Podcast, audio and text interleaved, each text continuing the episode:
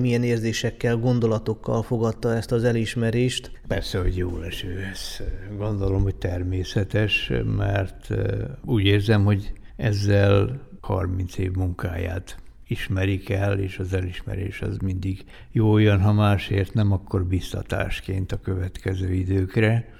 Kiválósági díjban elég sokan részesültek már, de az, hogy díszpolgárnak javasolnak engem, ez igazából meg se fordult a fejemben, addig, amíg elém nem álltak ezzel, hogy szeretnék, hogy elfogadnám ezt a jelölést.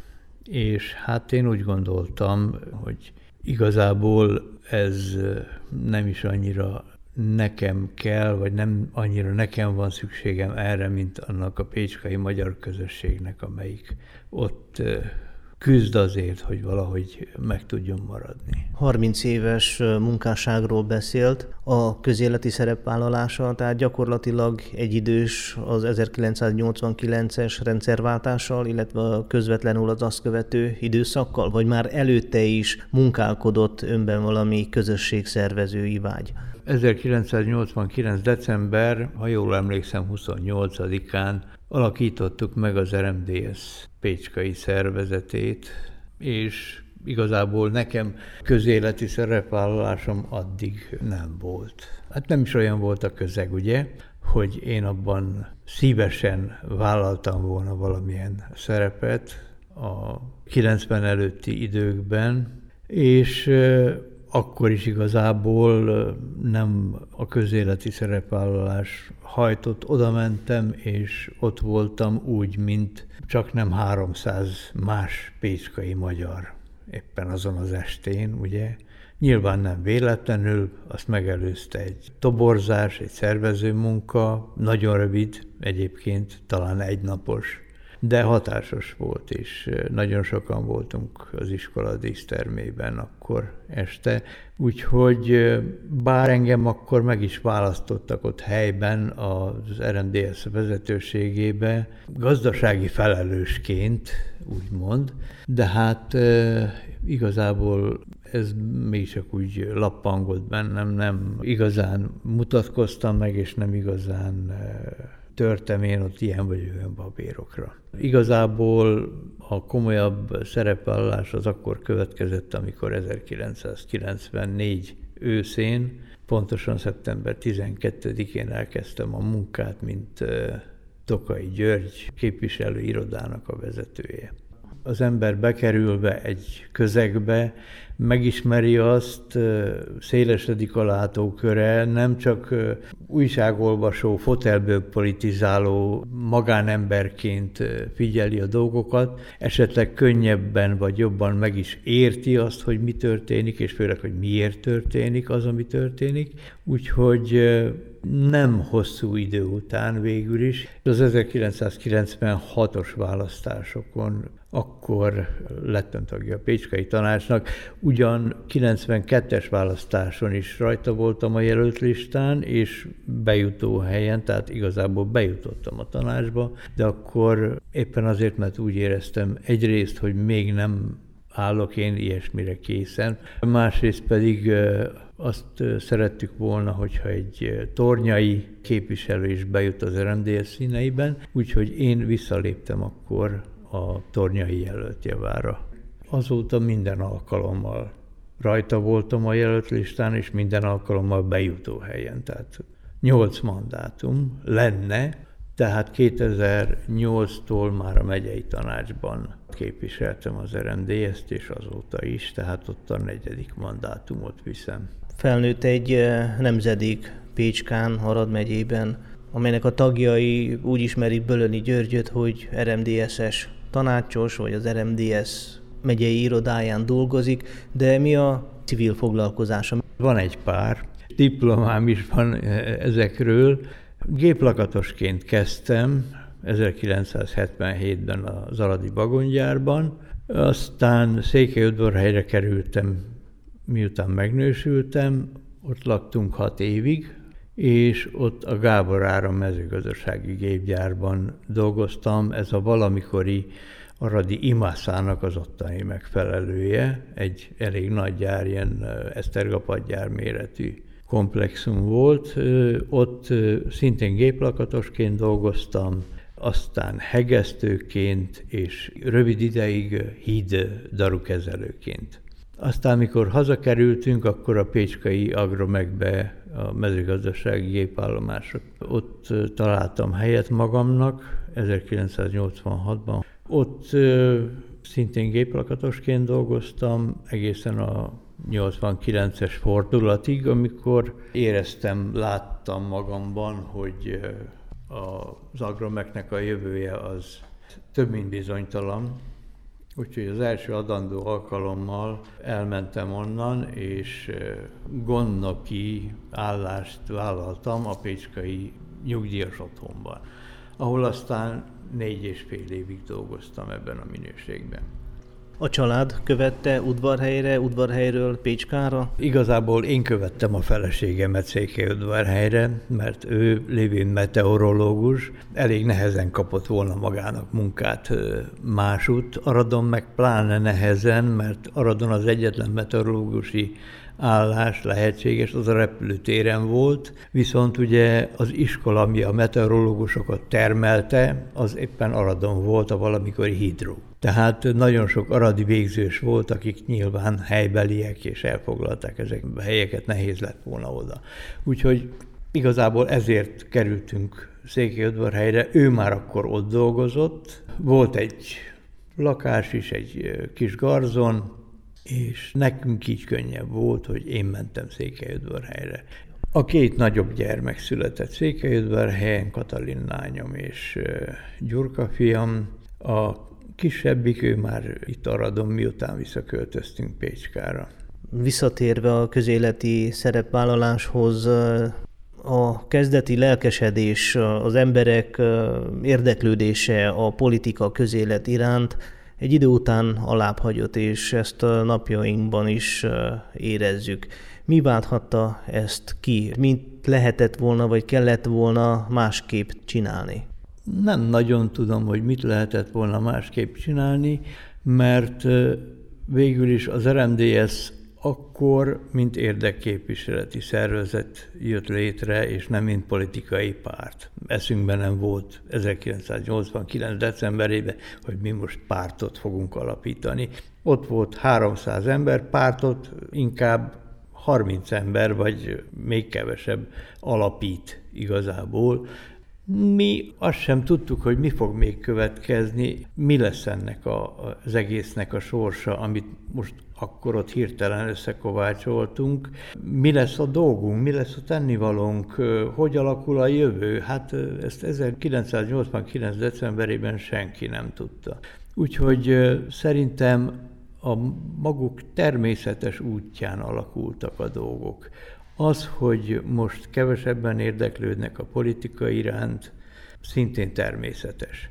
Hiszen szerte a világon nem látjuk azt, hogy most száz százalékban mindenki rohan véleményt nyilvánítani, választani, szavazni, és a politikában sem aktívan vesz részt az emberek nagy része, hanem otthon. A tévé előtt politizál, egy haveri társaságban egy sör vagy egy kávé mellett, mert nem is alkalmas mindenki arra, hogy aktívan politizáljon, és nem is biztos, hogy képes átlátni azt az egész rendszert, amiben most már 30 év után akár a romániai politika is működik, mert azért ez minden látszat ellenére rendszerben működik. Erős volt a hagyarán a Pécskai RMDS szervezet, alpolgármestert adott. Az utóbbi két választáson viszont már örvendeni kellett annak, hogy három mandátumot meg tudott szerezni az RMDS, illetve hát a pécskai magyarság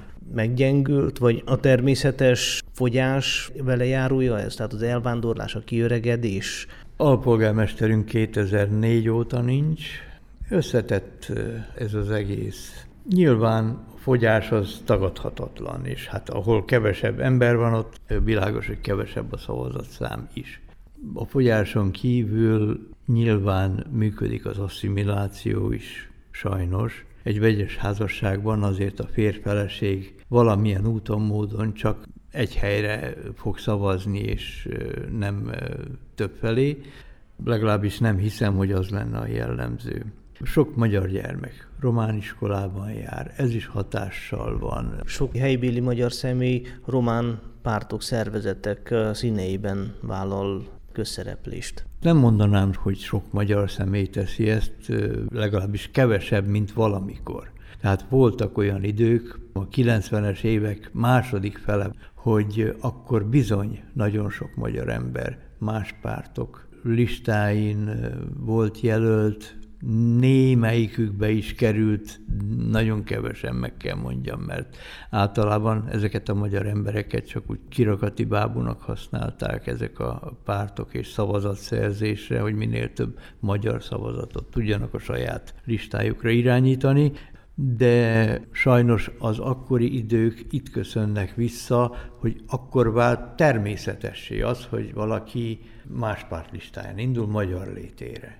Mekkora erőt képvisel jelenleg a picskai magyarság? Bár ugye nem ismerjük a népszámlálási eredményeket, de a pécskai magyarság egyelőre létszámában is a megye második legnagyobb magyar közössége Arad után. Jelenleg valahol 2500 és 3000 közé teszem én becslés alapján. Százalékban ez, hogy mennyit fog jelenteni, nem tudom, de abban is majdnem biztos vagyok, hogy a 20 százalék az meg lesz, az a bizonyos nyelvhasználati jókat biztosító törvényes limit, Egyébként pedig a magyar közösség ereje Pécskán azért még megvan. Azt szokták mondani, háromlábú asztal az, ami a legbiztosabban áll és nem billeg. Na hát a mi pécskai magyar közösségünk asztalának van három lába, amelyik erős még mindig, az iskola, amit még a mai napig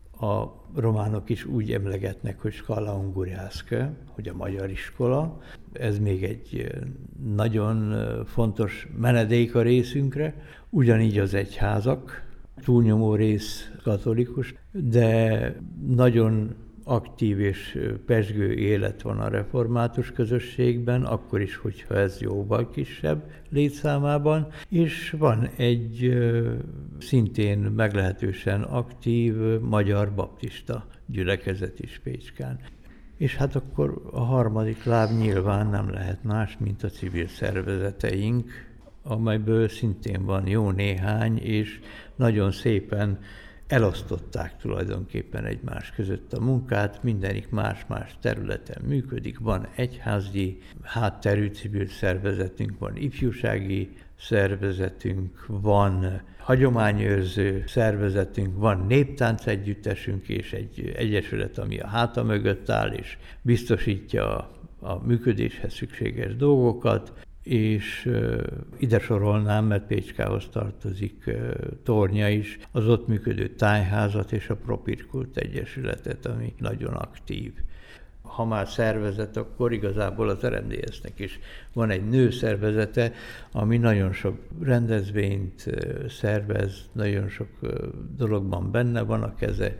Ezek a dolgok mind működnek. Én azt hiszem, hogy amíg kulturális rendezvények vannak, színházi eladásokat tudunk Pécskára hozni, addig úgy gondolom, hogy itt az a veszély, amiről az elején beszéltünk, az most még nem áll fenn. Van itt erő, van itt élet.